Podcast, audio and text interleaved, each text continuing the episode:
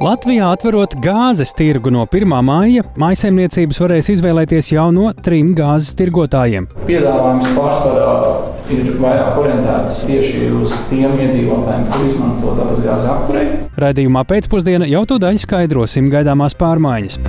Zemnieki Polijā, Rumānijā un arī Bulgārijā protestē pret lētiem ukraiņu graudiem. Plašāks stāsts par to no Briseles un uzzināsiet, par ko asākās diskusijas šodien raisījās Latvijas Olimpiskās komitejas ģenerālajā asamblējā. Jau pavisam drīz ziņu raidījumā pēcpusdienā kopā ar mani Tāli Eipuru.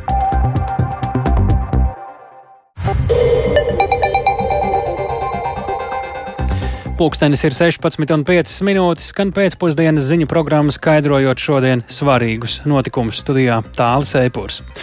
Rīgas centrā netālu no centrālās stacijas būvlaukumā sagrūvusi neapdzīvota piecstāvu ēka. Zem konstrukcijām atrodas vairākas vieglās automašīnas. Informācijas par cietušiem cilvēkiem šobrīd nav. Tā ziņo valsts ugunsdzēsības un glābšanas dienestā pirms brīža, lai saprastu, kas jaunākais no turienes mums būtu jāzina. Šobrīd eh, pie mūsu klausulas eh, kolēģa Agnija Lāsdiņa. Labdien! Tā, vai Agnija mūs dzird? Tā, šobrīd izskatās, ka mums nav signāla no notikuma vietas. Vai šobrīd, Agnīte, mūs dzirdi? Jā, labdien, tālāk. Labdien! Kad tu ieradies notikuma vietā un ko tu tur esi novērojis tīri vizuāli līdz šim? Jā, es ierados salīdzinoši nesen, un uh, pirmais, ko cilvēki var pamanīt, un ko pamanīju arī es, ir tas, ka ir ļoti daudz operatīvo dienestu, bet kopumā apkārtējie cilvēki ir ļoti lielā neizpratnē, kas notiek, jo bet saprotams, tīri vizuāli, to... tīri vizuāli, ko tu redzi šobrīd? Ne tikai operatīvie dienesti, bet arī šī drupu kaudze, kā Viss tas ir, izskatās? Viss ir ļoti norobežots un grūti ir cilvēkiem redzēt, kas notiek, un daudzi ir tādi, kas kāp, teiksim, uz soliņa lai varētu nobildēt tos gruvešus un uh, kaut ko var redzēt, bet uh, tūmā, protams, apkārtējos cilvēkus nepielaiž klāt. Mm -hmm. Labi. Uh, kādas ir tās jaunākās ziņas par faktiem, kas mums ir svarīgi no iestādēm vai amatpersonām vai glābējiem par to, kas ir noticis un Cik daudz nu, par iemesliem es nezinu, vai to var šobrīd kāds pateikt, eh, un par situāciju šobrīd. Kas ir tā informācija, kas mums būtu jāzina cietušajiem, tā skaitā, protams. Nā, šobrīd atkal mums neliels sakaru pārāvums ar Rīgas centru netālu no dzelzceļa stācijas. Tur mēs eh, tātad esam saņēmuši ziņas no Par to, ka ir sabrukusi neapdzīvota piecstāvu ēka, mēs mēģināsim tūdaļ arī sazvanīties ar Agniju, lai turpinātu sarunu un uzzinātu pašu jaunāko informāciju. Tikko tātad dzirdējām, ka šobrīd tīri vizuāli tur uh, neko daudz nevar redzēt. Uh, tā, uh, mēs dzirdam atkal tevi, Agnija, atkal nedzirdam. Tūdaļ mēģināsim sazvanīt vienkārši. Tūdaļ, tūdaļ, jā. Tūdaļ arī turpināsim sarunu par notikumiem netālu no centrālās stācijas. Agnija, vai tu mūs dzirdi šobrīd? Jā, dzirdu. Jā, tā tad tā ir vieta, kas ir sateklis pie sateklis ielas, tā kā starp apmēram Origo centru un sanāk Elizabetes ielu tajā virzienā, tur, kur kādreiz bija plašs autobusu pieturs. Šobrīd kādas ir tās jaunākās ziņas no glābējiem, no iestādēm, kas tur strādā par to esošo situāciju, par cietušajiem un bojājumiem?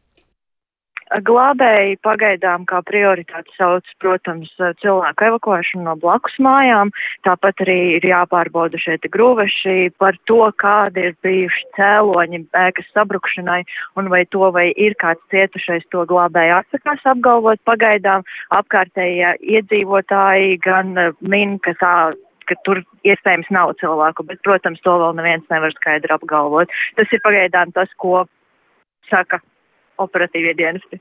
Kas šī bija par ēku? Kāpēc tā bija neapdzīvota vai tā bija paredzēta nojaukšanai? Ja mēs zinām, ka tur tirzniecības centrs bija paredzēts tajā vietā. Šajā būvlaukumā noteikti nekustamā īpašuma attīstītāji plānotās attekles biznesa centra būvdarbi, un uh, tur būtībā atradīsies biroja kompleks, uh, bet uh, kur atklāšana ir paredzēta 2025. gadā, un uh, to ēku bija plānots nojaukt, bet uh, pagaidām paši uzņēmumi īpašnieki gan izvērās komentēt šo situāciju. Ko tev saka cilvēki, kas tur ir apkārt, vai tur ir kādi iedzīvotāji vai uh, citi klātesošie? Cilvēki, kas ir apkārt, ir neizpratnē, jo viņi dodas savās ikdienas gaitās un no, viņi nesaprot, kāpēc šeit atrodas šie operatīvie dienesti, jo, protams, ir grūti redzēt, kas vispār ir noticis, bet man izdevās sarunāties arī ar pāris iedzīvotājiem. Sastapu kādu sievieti, kurai mamma dzīvo vienā no tuvākajām mājām. Mamma gan neatradās notikuma brīdī ēkā un arī neatrodas vispār Rīgā, bet sieviete stāstīja, ka šāda situācija viņas prāt bija jau paredzama, ka notiks, jo šie strādnieki, kā viņa izteicās, biedējoši enerģiski ir mēģinājuši nojaukt šo ēku un, un gribēja to izdarīt pēc iespējas ātrāk. Un, un, un, un sastapu arī kādu citu sievieti, kas izteicās diezgan līdzīgi, ka š, tas viss process tika darīts ļoti nepārdomāti. Un vienmēr sakot, iedzīvotāji, kas atrodas blakus esošajās mājās, ir diezgan dusmīgi, varētu to teikt tā, jo pagai. Jā, ņemot Jā. vērā, ka mums ir ziņas arī, ka laikam jau astoņi spēkrati ir cietuši šī negadījuma dēļ. Mēs turpināsim sakot jaunākai informācijai. Sakām paldies Agnijai Lāsdiņai par notikumu, kur Rīgas centrā netālu no centrālās stacijas būvlaukuma ir sagrūs neapdzīvota piecstāvu ēka. Turpinām raidījuma pēcpusdienu. Tuvojoties gāzes tirgus atvēršanai no 1. maija, Latvijā gāzes piegāda maisaimniecībām piedāvās arī Igaunijas dabas gāzes un elektroenerģijas pārdevēja Estigās meitas kompānija Latvijā Sija Elenger. Līdz ar to gāzi maisaimniecībām no maija nodrošinās trīs uzņēmumi. Ko nozīmē gāzes tirgus atvēršana, ar kādiem mērķiem maisaimniecību gāzes tirgu ienāk jauns spēlētājs? To šobrīd studijā mēs aicinām plašāk izstāstīt kolēģi Jāni Kīns Lūdzjāni. Sveicināti! Jā, pašlaik dabas gāzes piegāžu izmaksas maisaimniecībām ir regulētas. Tās aprēķina pēc sabiedrisko pakalpojumu regulēšanas komisijas apstiprinātas metodikas. Savukārt no 1. māja dabas gāzes tirgus būs atvērts un gāzi maisaimniecībām piegādās par tirgus cenu. Latvijā pašlaik maisaimniecībām dabas gāzes piegādes nodrošina divi uzņēmumi - Latvijas gāze un Latvijas energo. Savukārt no 1. māja šajā segmentā nolēmuši iesaistīties arī Igaunijas uzņēmuma Estigās meitas kompānija. Latvijā Sija Elenger. Tā jau apmēram piecus gadus Latvijā piegādā gāzi uzņēmumiem, un Elenger sašķidrināto gāzi piegādā tieši no ražotāja, kas ir Norvēģijas kompānija Equinor, uzņēmumam ir piekļuva abiem mūsu reģionu sašķidrinātās dabas gāzes termināļiem Klaipēdā un Inko Somijā. Uzņēmuma plānotie tarifu aprēķini rāda gala patērētājiem visai tīkamu attēlu, un to noteikti ietekmē arī gāzes cenas samazināšanās pēdējos mēnešos. Tātad ieskatām, pat labam Latvijā līdz 30. aprīlim spēkā esošais regulētais tarifs ar valsts atbalstu ir 9,7 centi par kilovatstundu. Savukārt Elengera piedāvājums no 1. maija elastīgo tarifu paredz 6,7 centus par kilovatstundu, bet fiksēto tarifu 7,7 centus centus par kilovatstundu. Savukārt gāzei ēdienu gatavošanai plānotais tarifs būs 11,5 centi par kilovatstundu. Te jāpiebilst, ka papildus dabas gāzes cenai mājsaimniecībām būs jāmaksā vēl arī sadales un pārdales sistēmas tarifi, kas joprojām paliks uh, regulēti. Par piedāvātajiem tarifiem, uh, lai turpina uzņēmumu LNG valdes priekšsēdētājs Dāvis Skulte. Mūsu piedāvājums pārsvarā ir vairāk orientēts tieši uz tiem iedzīvotājiem, kur izmanto dabasgāzes apkurei. Jo tā ir tā grupa, kuriem iepriekšējā gadā izmaksas pieauga visstraujāk, un savukārt šobrīd viņiem ir iespēja nu, iegūt patiesībā vislielāko ekonomiku. Vidējai māsēmniecībai, kas patērē gāzi apkurei, tas ir apmēram ietaupījums 500 līdz 800 eiro gadā. Tātad pašlaik zināms, ka mājasemniecībā un gāzi no 1. māja piegādās jau trīs kompānijas. Par citiem potenciāliem tirgus spēlētājiem pašlaik ziņu nav. Un vēsti par konkurenci brīvajā gāzes tirgu apsveic enerģētikas eksperts Juris Ozoliņš, kurš gan atturējās vērtēt, vai šajā tirgu būtu vietas vēl kādiem spēlētājiem. Ja ir viens tirgotājs, tad viņš ir monopola stāvoklī. Un, ja ir trīs, tad ir konkurence, kad, protams, konkurence vienmēr nāk par labu patērētājiem. Bet bez šaubām ar to nevar teikt, ka tas ietekmēs gāzes cenu, jo gāzes cenu noteiks vairumtirdzniecības apstākļi. Skaidrs, ka tirgus mazs dalībnieku mums te ir maz, Bet galvenais, lai vispār eksistē konkurence. Vēl piebildīšu, ka, lai arī jau 1. maijā notiks dabas gāzes tirgus pilnīga atvēršana, nozares regulējumu valdība plāno pieņemt tikai jaunedēļ. Un Tiesa gan regulējuma kavēšanās uzņēmumu plānus neietekmēšot. Paldies! Tik tālu Jānis Kīncis, bet šobrīd pie mūsu klausos ir Latvijas elektroenerģētiķu un energobūvnieku asociācijas izpildirektors Gunārs Valdmanis. Labdien! Labdien! Kur mēs šobrīd īsumā esam ar dabas gāzes tirgu Latvijā? Kolēģis Jānis jau tikko aptuveni ieskicēja, bet nu skatos, ka jau tagad dabas gāzi ir sākuši tirgot 11 tirgotāji, reģistrēti ir vēl 20. Kāda īsumā ir realitāte pirms 1. māja un kas ar to brīdi mainīsies līdz ar to? Mm -hmm. Nu jā, tas pats uh, svarīgākais, ko gribētos uzsvērt, ir patiesībā, ka uh, konkurence nav tikusi ierobežota arī līdz 1. maijam, un uh, patiesībā uzņēmumi uh, jau drīkstēja bez ierobežojumiem piedāvāt dabasgāzi arī maisaimniecībām arī iepriekš, bet ņemot vērā šo te nu, regulētās cenas uh, griestu atzīmi, tas uh, varbūt nebija tik pievilcīgi, jo uh, šeit bija vienkārši ļoti viegli saprotami nosacījumi, pēc kā strādāt un arī zināmā mērā tās regulētās cenas priekšrocība, ka tirgotājiem arī tika garantēts šis te noteikts kaut kāds ie, ieņēmumu Uh, apjoms tātad par realizēto dabasgāzi. Uh, tas mainīsies un uh, visticamāk patiesībā tirgus kā tāds nepiedzīvos ļoti radikālas izmaiņas, bet tieši maisaimniecības segmentā, ko es prognozēju, parādīsies jaunas iespējas piedāvāt krietni atšķirīgus līgumus, kuri varbūt tik ļoti neatšķirsies pēc cenas, bet atšķirsies pēc citiem um, šo te līgumu nosacījumiem, kuri daļai patērētāji varētu būt visai būtiski. Un šeit varētu būt, pieņemsim, tādi piedāvājumi, piedāvājumu, kā cenas fiksēšana uz ievērojami ilgāku laiku. Tas varētu būt, pieņemsim, pievilcīgi tiem uh, lietotājiem, kuriem ir paliels dabasgāzes patēriņš un kuri vēlās, teiksim, prognozēt savas apkuras izmaksas uz ilgāku uh, periodu, teiksim, diviem gadiem. Uh, es domāju, ka šobrīd tirgotājiem faktiskā situācija ļaus arī šādu cenu piedāvājumu izteikt, un gluži pretēji, pieņemsim, tiem lietotājiem, kuriem ir pieejami vairāki uh, apkuras veidi un, pieņemsim, vairāki kurināmie, uh, savukārt varētu būt pievilcīgs tāds cenu piedāvājums, kas ir pie, piesaistīts tieši vairumtirdzniecības cenai, jo tas viņiem savukārt ļaus katru mēnesi jau operatīvi plānot, kas viņiem tajā mēnesī ir izdevīgāk tieši no apkuras viedokļa. Varbūt pavasara sezonā uh, lētas elektroenerģijas gadījumā viņam var izrādīties izdevīgāk apkurināt ar elektroenerģiju un uh, izvairīties no gāzes patēriņa, savukārt lē, uh, lētas dabasgāzes gadījumā ar mainīgu cenu, tātad viņam var būt arī pievilcīgi uh, lietot arī dabasgāzi. Un es domāju, ka tirgus attīstībai nu, tāds uh, optimistiskais uh, scenārijs būtu tiešām, ka cenas saglabāsies vismaz tuvākajā laikā salīdzinoši mērenas, zemas, bet tieši palielināsies šis te uh, piedāvājuma daudzveidīgums. Lielas paldies! Vērtīgs komentārs Gunārs Valdmans, Latvijas elektroenerģētiķu un energo būvnieku asociācijas izpildirektors runājot par to, ka no 1. māja Latvijas gāzes tiks, tirgus tiks atvērts. Bet zemnieki Polijā, Rumānijā un Bulgārijā protestē pret lēto Ukrainas graudu pieplūdumu viņu tirgū.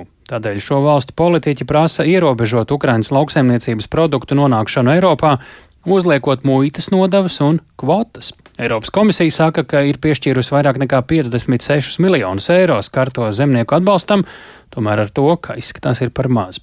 Par situāciju un tās iespējamiem risinājumiem tagad ir gatavs stāstīt arī mūsu Brīseles korespondents Arčoms Konohaus. Labdien, Arčom! Cik nopietns pamats eh, ir zemnieku un tagad arī politiķu satraukumam par lēto Ukrainas graudu nonākšanu Eiropā? Jāsaka, ka satraukums tiešām ir liels, un uh, satraukums ir visnotaļ nopietnas gan uh, zemnieku vidū, gan arī politiķu vidū. Atcerēsimies, ka graudi no Ukrainas nonāk uh, Eiropā un citviet pasaulē gan caur Melno jūru, gan arī caur tā dēvētajām solidaritātes joslām, proti pātrinātā kārtībā pa sauszemi uz valstīm, kas robežojas ar Ukrainu.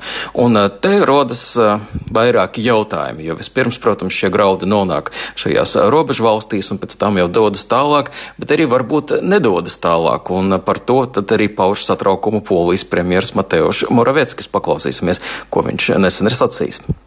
To zboże dzisiaj destabilizuje nasz rynek. My jesteśmy gotowi pomagać. Tagad šie graudi destabilizē tirgu. Mēs esam gatavi uzņemt šos graudus un palīdzēt tos nogādāt Āfrikā. Laipni lūdzam. Bet mēs neesam piekrituši tam, ka šie graudi nonāk Polijas un Rumānijas tirgu.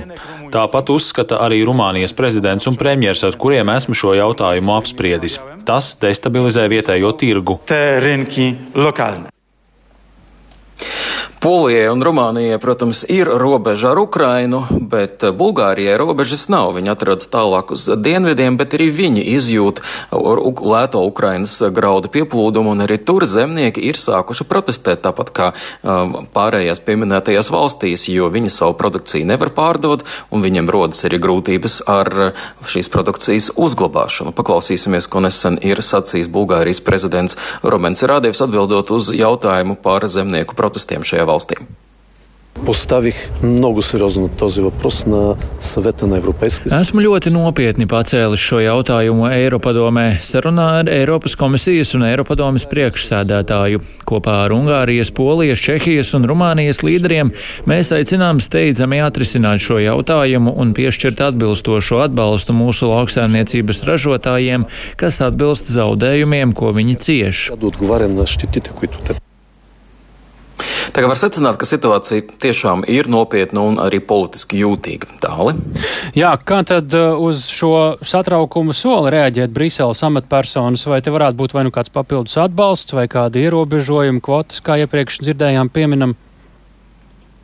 Iepriekšējā nedēļā šis jautājums tika apspriests Eiropas Savienības valstu līderu samitā ceturtdien un piekdien, un par to arī izteicās Eiropas komisijas priekšsēdētāja Urzula Fonderleina. Viņa sacīja, protams, tām valstīm, kas atrodas Ukrainas tuvumā un kas saņem šos graudus, viņu zemniekiem nevajadzētu ciest no tā, kas, nu, kas situācija tirgu mainās, un jau mēs pieminējam 56 miljonus, kas ir piešķirti kompensācijām šiem zemniekiem, bet, protams, varētu tikt spērti vēl kādi papildus soļi, bet jāatcerās, ka, protams, kvotas šobrīd noteikti Ukrainai, kuriem graudi ir ārkārtīgi nozīmīgi, lai uzturētu viņa ekonomiku un vispār lauksaimniecības produkcija ļoti nozīmīga, lai uh, viņi varētu turpināt finansēt dažādus pakalpojumus un tostarp arī uh, turpināt aizstāvēties no Krievijas. Nu, šāds solis būtu diezgan sarežģīts un diezgan grūti politiski skaidrojams, bet paklausīsimies, ko ir Eiropas komisijas priekšsēdētāja teikusi.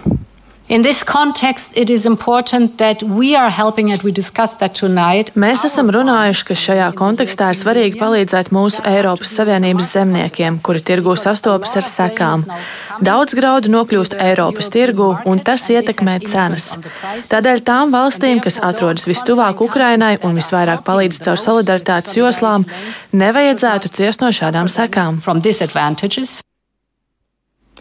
Tagad tiešām uh, pagaidām par konkrētiem tālākiem soļiem informācijas ir maz, bet ir skaidrs, ka spiediens uz Eiropas komisiju rīkoties palielinās. Lai arī Ukrainas uh, nākotne ir uh, pietiekami lielā miglā tītā, Ukraina ir skaidrs, ka cenšas arvien vairāk tuvoties, integrēties Eiropas Savienības dažādu veidu procesos, tā skaitā tirgu. Ko šis piemērs un gadījums liecina par Ukrainas ceļu uz Eiropas Savienību? Kam un kāds priekšvēstnesis tas varētu būt? Es domāju, ka tas noteikti ir priekšvēstnesis tam, ka iestāšanās sarunas būs grūtas, jo Eiropas valstis baidīsies no konkurences, no tā, ka Ukrainā ir zemes algas un zemāki standarti un lētāka ražošana līdz ar to, un ka šo valstu produkcija vienkārši varētu pārpludināt Eiropas tirgu un varētu nostādīt jau esošo Eiropas Savienības valstu zemniekus, bet arī citus ražotājus un citas nozares neveiksmīgākā situācijā, neizdevīgākā situācijā, un par to recepcitu pirms kādu mēnešu um, Zviedrijā, uh, kur notika ekonomikas ministru sanāksme. Par to bija diezgan arī uz vairākiem jautājumiem atbild, jāatbild Ukrainas ministrei, kas atbild par rūpniecību un ekonomiku. Viņa arī, protams, mēģināja teikt, ka tiešām Ukrainas uzņēmumi neapdraud Eiropu, bet šāds satraukums, it sevišķi Rietuma Eiropas valstīs, viņš noteikti pastāv, un tas varētu būt viens nopietnas šķērslis Ukrainas ceļā uz Eiropas Savienību. Iestāšanās iestāšanās sarunas, tas nozīmē, būs visai grūtas un arī reformas. Tā skaitā paldies Ārķimam Konohovam no Briseles, ziņojot par lēto Ukrainas graudu virzību Eiropas Savienības tirgu. Bet Latvijā Krievijas pilsoņiem, kuriem jākārto latviešu valodas pārbauda, lai nezaudētu pastāvīgo uzturēšanās atļauju, saima nolēmusi dot papildu laiku. Nekvalitatīvs likumprojekts. Šādi vārdi šodien izskanēja no saimas tribīnes, raksturojot izmaiņas imigrācijas likumā. Par to plašāk Lindas Spundiņas ierakstā. Šobrīd spēkā esošā imigrācijas likuma pārējais noteikumi paredz, ka Krievijas pilsoņiem pastāvīgās uzturēšanās atļaujas ir derīgas līdz septembrim. Ja personas grib atkārtoti saņemt pastāvīgās uzturēšanās atļauju, tad jāiesniedz apliecinājums par valsts valodas apguvi. Lēsts, ka vairāk nekā 17 tūkstošiem cilvēku būtu jākārto valodas eksāmens. Līdz pagājušajās nedēļas beigām kārtotāju pieteikumus gaidīja valsts izglītības satura centrs. Pieteicās 8000, kas paspēs pārbaudījumus kārtot.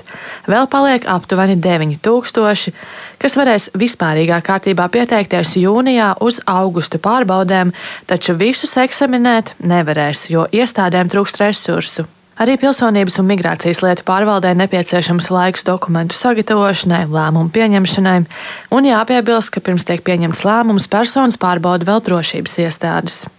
Saprotot, ka visu paspēt nevarēs, iekšlietu ministrija nāk klajā ar piedāvājumu. Atvieglojumu paredz, ka, ja gadījumā dokumenti būs iesniegti līdz septembrim, Krievijas pilsoņi varēs turpināt dzīvot Latvijā, bet viņu pieteikumus izskatīs gada laikā. Kā arī, ja pirmo reizi neizdodas nokārtot valsts valodas pārbaudi, to līdz novembra beigām varēs kārtot atkārtoti un apliecinājumu iesniegt līdz gada beigām. Kādēļ izmaiņas nepieciešamas, šodien atkārtoti skaidroja deputātiem ministrijas parlamentārais sekretārs Igors Rajevs no apvienotā saraksta. Lai cilvēkiem un dienestiem, kuri nodarbosies ar šiem jautājumiem, pēc iespējas ātrāk būtu pilna skaidrība par to, kādas darbības, kādos termiņos ir jāveic. Un lai noņemtu jebkādas divdomības un jebkādas diskusijas par 1. septembri un par deportācijām. Vakar Saimnes komisijā robežsardze pauda gatavību Krievijas pilsoņu piespiedu izraidīšanai, ja tas būs nepieciešams, piebilstot, ka tas ir pēdējais solis. Parlamenta tribīnē kāpušie mazāk runāja par likuma grozījumiem, bet par jau iepriekšējā saimā pieņemto likumu. Progresīvo deputāts Atis Švinka sacīja, ka likums juridiski ir nekvalitatīvs. Tomēr jāsaprot, ka ļoti nekvalitatīvu likumu radīja. Šie grozījumi paši par sevi būtu nepieciešami jo kaut kāda skaidrība tas rada. Bet es pievērstu uzmanību šim tiesiskumam. Jāpiebilst, ka par jaunajām prasībām satversmes tiesa ierosinājusi jau pirmās lietas. Tomēr Saima šodien konceptuāli atbalsta imigrācijas likuma grozījumus, tiem paredzot steidzamību. Par grozījumiem galīgajā lasījumā plānots balsot nākamnedēļ. Līna Spundiņa, Latvijas radio. Par likumdošanas procesu kvalitāti Latvijā jāizdomājas arī nākamā stāsta kontekstā. Par koalīcijas part, pēc koalīcijas partija aicinājumu saima šodien vēl nelēma par vispārējās izglītības likuma grozījumu nodošanu izvērtēšanai parlamenta komisijā. Likuma izmaiņas bija izraisījušas plašu rezonanci sociālajos tīklos un paredzēja mainīt pieeju iestāju pārbaudījumiem valsts ģimnāzijās. Plašāk mācību iestāžu un arī politiķu nostāju skaidroja Ieva Puķa. Rīgas valsts pirmās gimnāzijas nosaukums gadu gaitā ir mainījies, bet iestāju pārbaudījumi šeit bijuši vienmēr, saka matemātikas skolotājs Dainis Kriķis, kurš jau kopš 1977. gada strādā skolā ar matemātikas un dabaszinību padziļinātu apguvi. Un ne tikai tāpēc ziņa, ka šogad varētu liekt vidējās izglītības iestādēm rīkot iestāju pārbaudījumus mācību priekšmetos, kuros pamatskolas beidzējiem jau paredzēta centralizēta eksāmeni, pieredzējušajā pedagogā izraisīja sašutumu. Tas nav pietiekošs pamatojums, lai pēc tiem veiktu atlasi arī gimnāzijām, saka skolotājs. Mēs eh, iestāju pārbaudījumā nevis eh, veidojam uzdevumus tā kā beidzot 9. klasi, kad tendences parādīja tas, kas arī ļoti vāji zina, ka viņš tomēr ir nopelnījis šo pozitīvo vērtējumu, kad viena daļa uzdevumu ir izteikti vienkārši. Iestāju pārbaudījumā ir cits mērķis - saranžēt viņus tā, lai nebūtu ļoti daudz ar vienādiem punktiem. Matemātiķis secina, ka 9. klašu eksāmens, kur var iegūt ne vairāk kā 50 punktus, nozīmē, ka būtu arī pārāk daudz skolēnu ar vienādu punktu skaitu. Pagājušo gadu visā Latvijā maksimālo punktu skaitu viņa priekšmetā ieguva 175 9. klases beidzēji. Ap 200 skolēnu saņēma vienu punktu mazāk.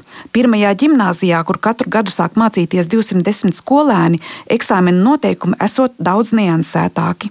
Daņa Kriķa ģimnāzija ir viena no skolām, kuru vispārējās izglītības likuma 2018. gada redakcija, ja to nemainītu, skartu ļoti tieši.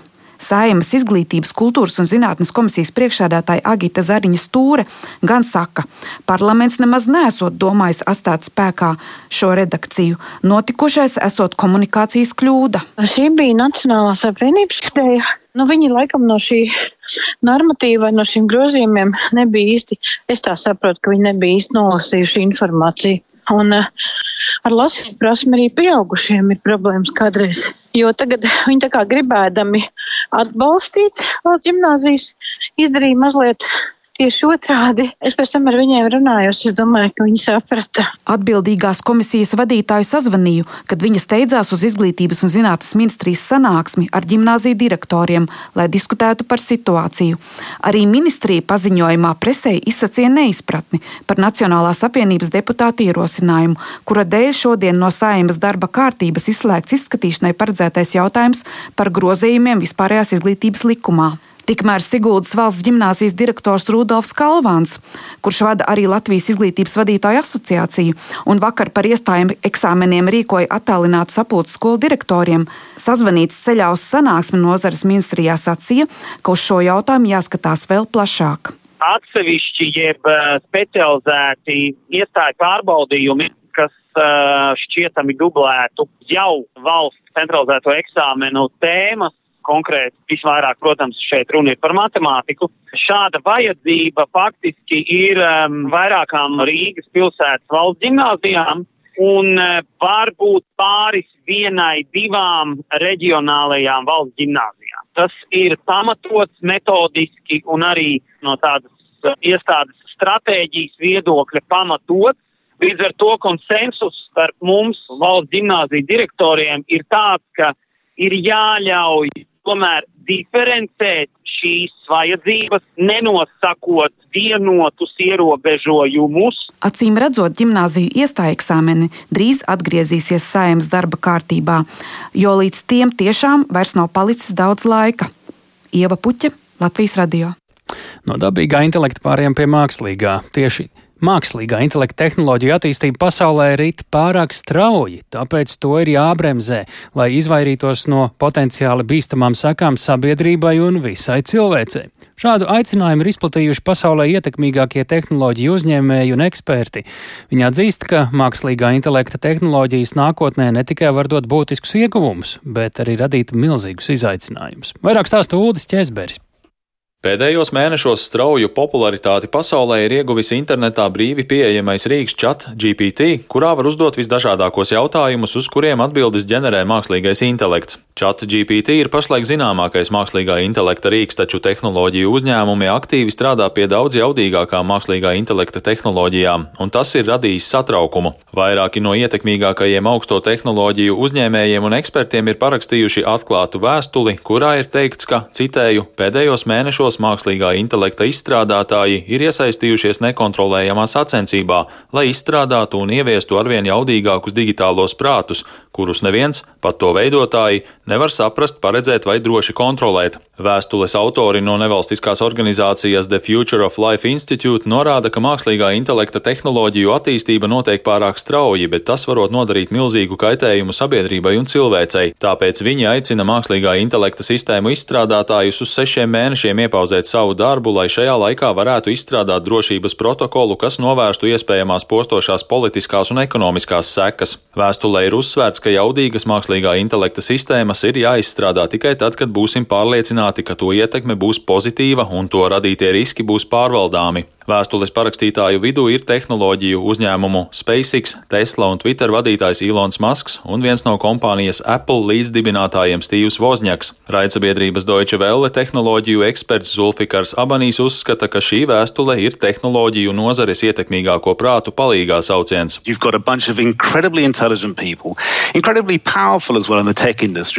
Jūs šeit redzat vairākus ļoti inteliģentus cilvēkus, kuri ir arī ļoti ietekmīgi tehnoloģiju nozarē. Un viņi saka, ups, ko mēs esam izdarījuši? Viņi gandrīz vai kliedz, mums ir nepieciešama palīdzība no ārpuses. To var salīdzināt ar valsti, kas rada atombumbu, nomet to un tad brīnās, ak, Dievs, tad lūk, ko tā spēj, un pēc tam ir pārsteigta, kā arī citas valstis vēlas radīt savu atombumbu, lai aizsargātu sevi. Viņi būtībā atzīst, mākslīgā intelekta tehnoloģiju attīstība ir nekontrolēta, un mums ir nepieciešama ārēja palīdzība. Mēs nespējam regulēt paši sevi. Abanīs arī apsūdzēja tehnoloģiju uzņēmējus negodprātīgā rīcībā. Piemēram, Ilons Masks jau pirms vairākiem gadiem izteica bažas par mākslīgā intelekta tehnoloģijām, taču vienlaikus turpināja ieguldīt miljardiem dolāru to attīstīšanā. Uldis Česberis, Latvijas radio. Šobrīd pie raidījuma pēcpusdienu klausulas tehnoloģiju portāla, portāla kursors LV galvenais redaktors Kristaps Skutelis. Labdien! Sveiki. Cik tad pamatots ir šādas IT milžu un ekspertu bāžas par uh, mākslīgā intelekta attīstības bīstamību un uh, ko viņi ar šo paziņojumu īsti varētu vēlēties panākt? Jā, kopumā ļoti interesanta vēstule. Arī vakar mēs to pamanījām un pats rakstījām kursorā. Šeit es tik ļoti varbūt nepievērstu uzmanību konkrētajai vēstulei, jo tajā, piemēram, tādi personāži kā Ilons Masks atzīmējušies, kas nav viennozīmīgi vērtējami. Tas pats Ilons Masks, starp, starp citu, savulaik vēlējās pilnībā pārpirkt un pārņemt OpenAI, tātad to organizāciju, kas šobrīd veido ChatGPT tos uh, botus, kas, kas izraisījuši šo lielo te, uh, sajūsmu. To, to, tomēr viņam nesanāca uh, šo projektu. Tad, tad vēl jau vairāk vietā ir jautājums, ko tad viņi vēlas panākt, vai tiešām brīdināt par bīstamību, vai tur kādas citas intereses arī? Jā? Es, es, es domāju, ka Maska gadījumā tur noteikti ir citas intereses, tas ir vienkārši tāds, nu, man liekas, spēku ietekmes pārdales šobrīd brīdis, jo būsim reāli. Šīs tehnoloģijas, kas šobrīd tiek izstrādātas, ir labi, būs nozīmīgas tuvākā vai tālākā nākotnē. Protams, ka katrs vēlas kontrolēt kaut kādu daļu no šīm tehnoloģijām. Šeit, kas vēl jāpiezīmē, šobrīd tikai pasaules bagātākās organizācijas, nu, tipiski tehnoloģiju kompānijas, spēja vispār darbināt tos milzīgos modeļus, jo tur gluži vienkārši vajag ārkārtīgākos uh, datoru dzaužus, lai varētu vispār apmācīt šos modeļus. Uh, un, protams, ka ir liela interese dažādām nu, lielvarām, jā, tā pašai Ķīnai, tā pašai Amerikai, lai arī viņi varētu mm, vai nu līdzīgas tehnoloģijas izveidot vai uh, piekļūt, izmantot šīs te, uh, nu, šobrīd esošās nu jā, līdz, ar, līdz ar to tā utopiski kaut kādā ziņā izklausās tāds aicinājums sabremzēt šo tehnoloģiju attīstību, jo ķīnieši, indieši, krievi un kurš vēl tik ne, vienkārši par to var pasmīnēt droši vien. Uh, nu, Krievi neko nevar izdarīt, viņi, ne viņiem ir uh, spējas tehniskās, un arī nebūs tuvākajās desmitgadēs noteikti. Ķīniešiem drusku tuvāk jau ar tām spējām ir. Tāpēc, jā, šī vēstule ir tāda, nu, smieklīga kaut kādā mērā. Lai gan noteikti tur daļa uh, parakstu iesniedzēja tiešām svēti tic, ka šāda organizācija kaut ko var arī izmainīt. Tomēr tas nemaina arī savu mm, būtību, ka par šo ir jādomā, ka būtu jābūt kaut kādiem tur ētiskajiem, ne tikai ētiskajiem principiem, kā tiek veidotas šīs sistēmas, mm, bet es neesmu drošs, ka šī konkrētā organizācija spēs kaut ko tādu būtiski ietekmēt. Respektīvi, pamats diskusijai par bažām, par riskiem ir. Noteikti, noteikti, noteikti jā. Paldies par sarunu. Kristaps Skutēls, tehnoloģiju portāla Kursors LV galvenais redaktors. Latvijas Olimpiskā komiteja ir gatava kļūt par Latvijas sporta nozares vadošo organizāciju, kļūstot arī par galveno sadarbības partneri izglītības un zinātnes ministrijai, kas ir atbildīgā par sportu Latvijā no valsts puses. Tā šodien ikgadējā Latvijas Olimpiskās komitejas ģenerālās asamblejas sesijā pavēstīja tās prezidents Žoržs Tikmērs. Komitejas ģenerālās asamblejas sesiju apmeklēja un arī plašāk ir gatavs pastāstīt mūsu kolēģis Reinis Grunsteņķis. Sveiks, Reini! Jā, sveiks, tālāk, labdien, klausītāji. Jā, nu, šis pasākums Aleža pulcē visus galvenos Latvijas sporta lēmējus un sporta veidu federācijas. Kopumā 82 lauku biedri bija ieradušies klātienē šoreiz. Nu, jā, tika apspriesti vairāk būtiski Olimpiskās komitejas darbības jautājumi. Tie galvenie temati bija gan saistībā ar finansējumu, gan arī sadarbību ar Izglītības un zinātnes ministriju un arī gaidāmajām sporta sacensībām. Proti ne tikai Olimpiskajām spēlēm, bet arī Eiropas spēlēm, kas šovasar notiks Polijā. Un, jaunatnes olimpiādēm. Nu, tā īsumā rezumējot galveno, tad 2023. gada loka budžets sasniegs 11,7 miljonus eiro. Budžeta galvenā prioritāte ir līdzfinansējums Latvijas Olimpiskās vienības sastāva sportistu treniņu un sacensību izdevumu sekšanai, tā skaitā pabalstu izmaksai, kas ir 4 miljoni eiro. Lai arī šī gada budžets ir mazāks nekā pagājušajā gadā, tika uzsvērts, ka tas nodrošina loka prioritāro uzdevumu realizāciju.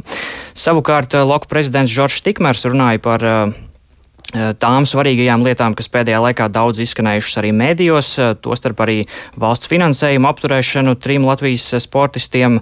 Eh, nu, Lok ir atvaino, atvainojusies visiem trim sportistiem, taču neuzskata sevi par situācijā vienīgo vainīgo. Attiecībā uz sadarbību ar citām valsts, citām valsts organizācijām tikmēr sacīja, ka ja izglītības un zinātnes ministrija sporta nozarei īstenot līdzšanējās ieceres sadarboties ar vienu partneri, tad reformas paredz paredzētu loku juridisku likvidāciju. Viņš apgalvoja, ka būtu nolicis savas pilnvaras, ja šāds reformu plāns tiktu īstenots. Tikmēr saskata, ka turpmākie risinājumi ir jaunās vienotības rokās, jo par sporta nozari atbildīgā partijas ministra Anda Čakša vēlas skaidru un caurspīdīgu nozares finansējumu. Tālāk. Simboliski kopā ar federāciju vadītājiem jau pagājušā gada. Tātad šo citātiņu pēc brītiņa, bet sesijas otrajā daļā mēs zinām arī notika debatas, nu, un tad tur ir gan par šajā asamblējā izskanējušo, gan arī kāda bija viņu reakcija uz šodien teikto un vēl pašiem no sevis piebilstamās lietas. Kas tad ir tas, kas ir aktuāls sporta nozarei, ne tikai no loku vadības puses? Eh, jā, nu, vēl mazliet paturpinot par loku vadības teikto, Žoržs Tikmers um, vēlreiz uzsver to, ka nu, Latvijas Olimpiskās komitejas nostāja jautājumā par um, agresoru valstu Krievijas un Baltkrievijas dalību Parīzes Olimpiskajās spēlēs uh, nav mainījusies, un jā, nu, tagad arī varam paklausīties viņa sacīto. Simboliski kopā ar federāciju vadītājiem jau pagājušā gada februārī mēs piedalījāmies pilsoniskā gājienā uz Krievijas un Ukraiņas vēstniecībām. Palīdzējām uzņemt Ukraiņu bērnus Olimpiskajā centrā, izveidojot loģistikas centru.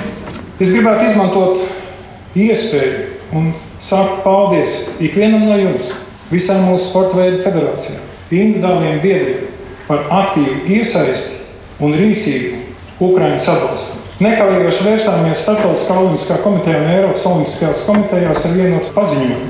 Eiropas Olimpiādēs šajā gadījumā jaunatnes olimpiādēs un arī nākošās sacensībās nekādi nedrīkst piedalīties agresoru valstu, Krievijas un Baltkrievijas sportisti. Un neatlaidīgi panācām savu lēmumu pieņemšanu. Solis, kuru inicēja trīs Baltijas valstis, sasniedz savu kritisko masu Eiropas Olimpiskajā apritē.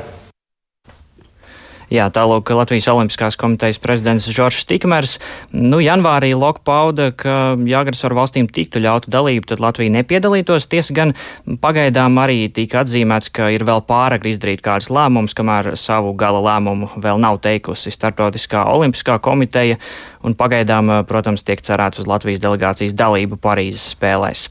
Bet, nu jā, ja pievēršamies biedru teiktajam, jā. tad uh, biedru komentāri un vēlme runāt un izteikties tiešām bija ļoti uh, liela. Cik es saskaitīju, kopumā bija 19 runātāji, un tas ir ievērojami lielāks skaits nekā iepriekšējo gadu ģenerālajās asamblējās.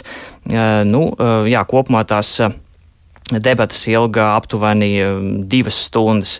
Jā, bet Riteņbraukšanas federācijas prezidents Sandis Āķis bija viens no tādiem spilgtākajiem runātājiem, un viņš apšaubīja to, vai Toms Skuiņš patiešām atvainošanos no Latvijas Olimpiskās komitejas ir saņēmis, un arī diezgan asi izteicās par šo situāciju kopumā. Varam paklausīties arī viņu. Ne tikai Latvijā, bet arī sabiedriskā un publiskā telpā ārzemēs viņi ir pazemoti. Viņiem tiek uzdots jautājums, vai viņi ir krievu sportistu un Krievijas agresoru atbalstītāji. Jo publiskā telpā nonāk frāzes, un šīs frāžu saknes ir meklējums, diemžēl, mūsu kopējā sporta pārvaldības sistēmā. Šī sistēma ir satrauskota, un šī sistēma parāda to, ka šajos grūtajos brīžos ir tikai reti cilvēki ar mugurkaulu, kuri spējīgi sniegt atbalstu un mēģināt izprast patiesību. Tālūk, Latvijas riteņbraukšanas federācijas prezidents Sandis Āķis. Nu, beigās gan Latvijas Olimpiskā komiteja tomēr teica, ka ir sazinājusies ar visiem trim sportistiem. Tiesa gan tā saziņa ir bijusi atšķirīga.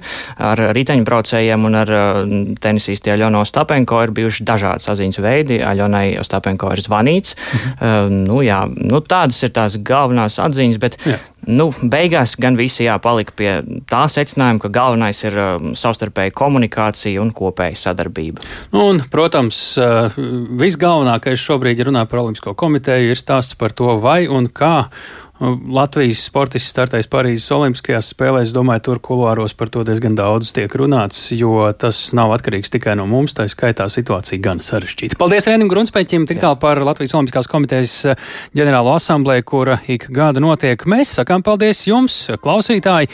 Šis bija ziņu raidījums pēcpusdienā. Ar jums sarunājās Tāls Eipors, raidījumu veidoja Ilza Agīnta, Renārs Šteimanis, Kārlis Rašmanis.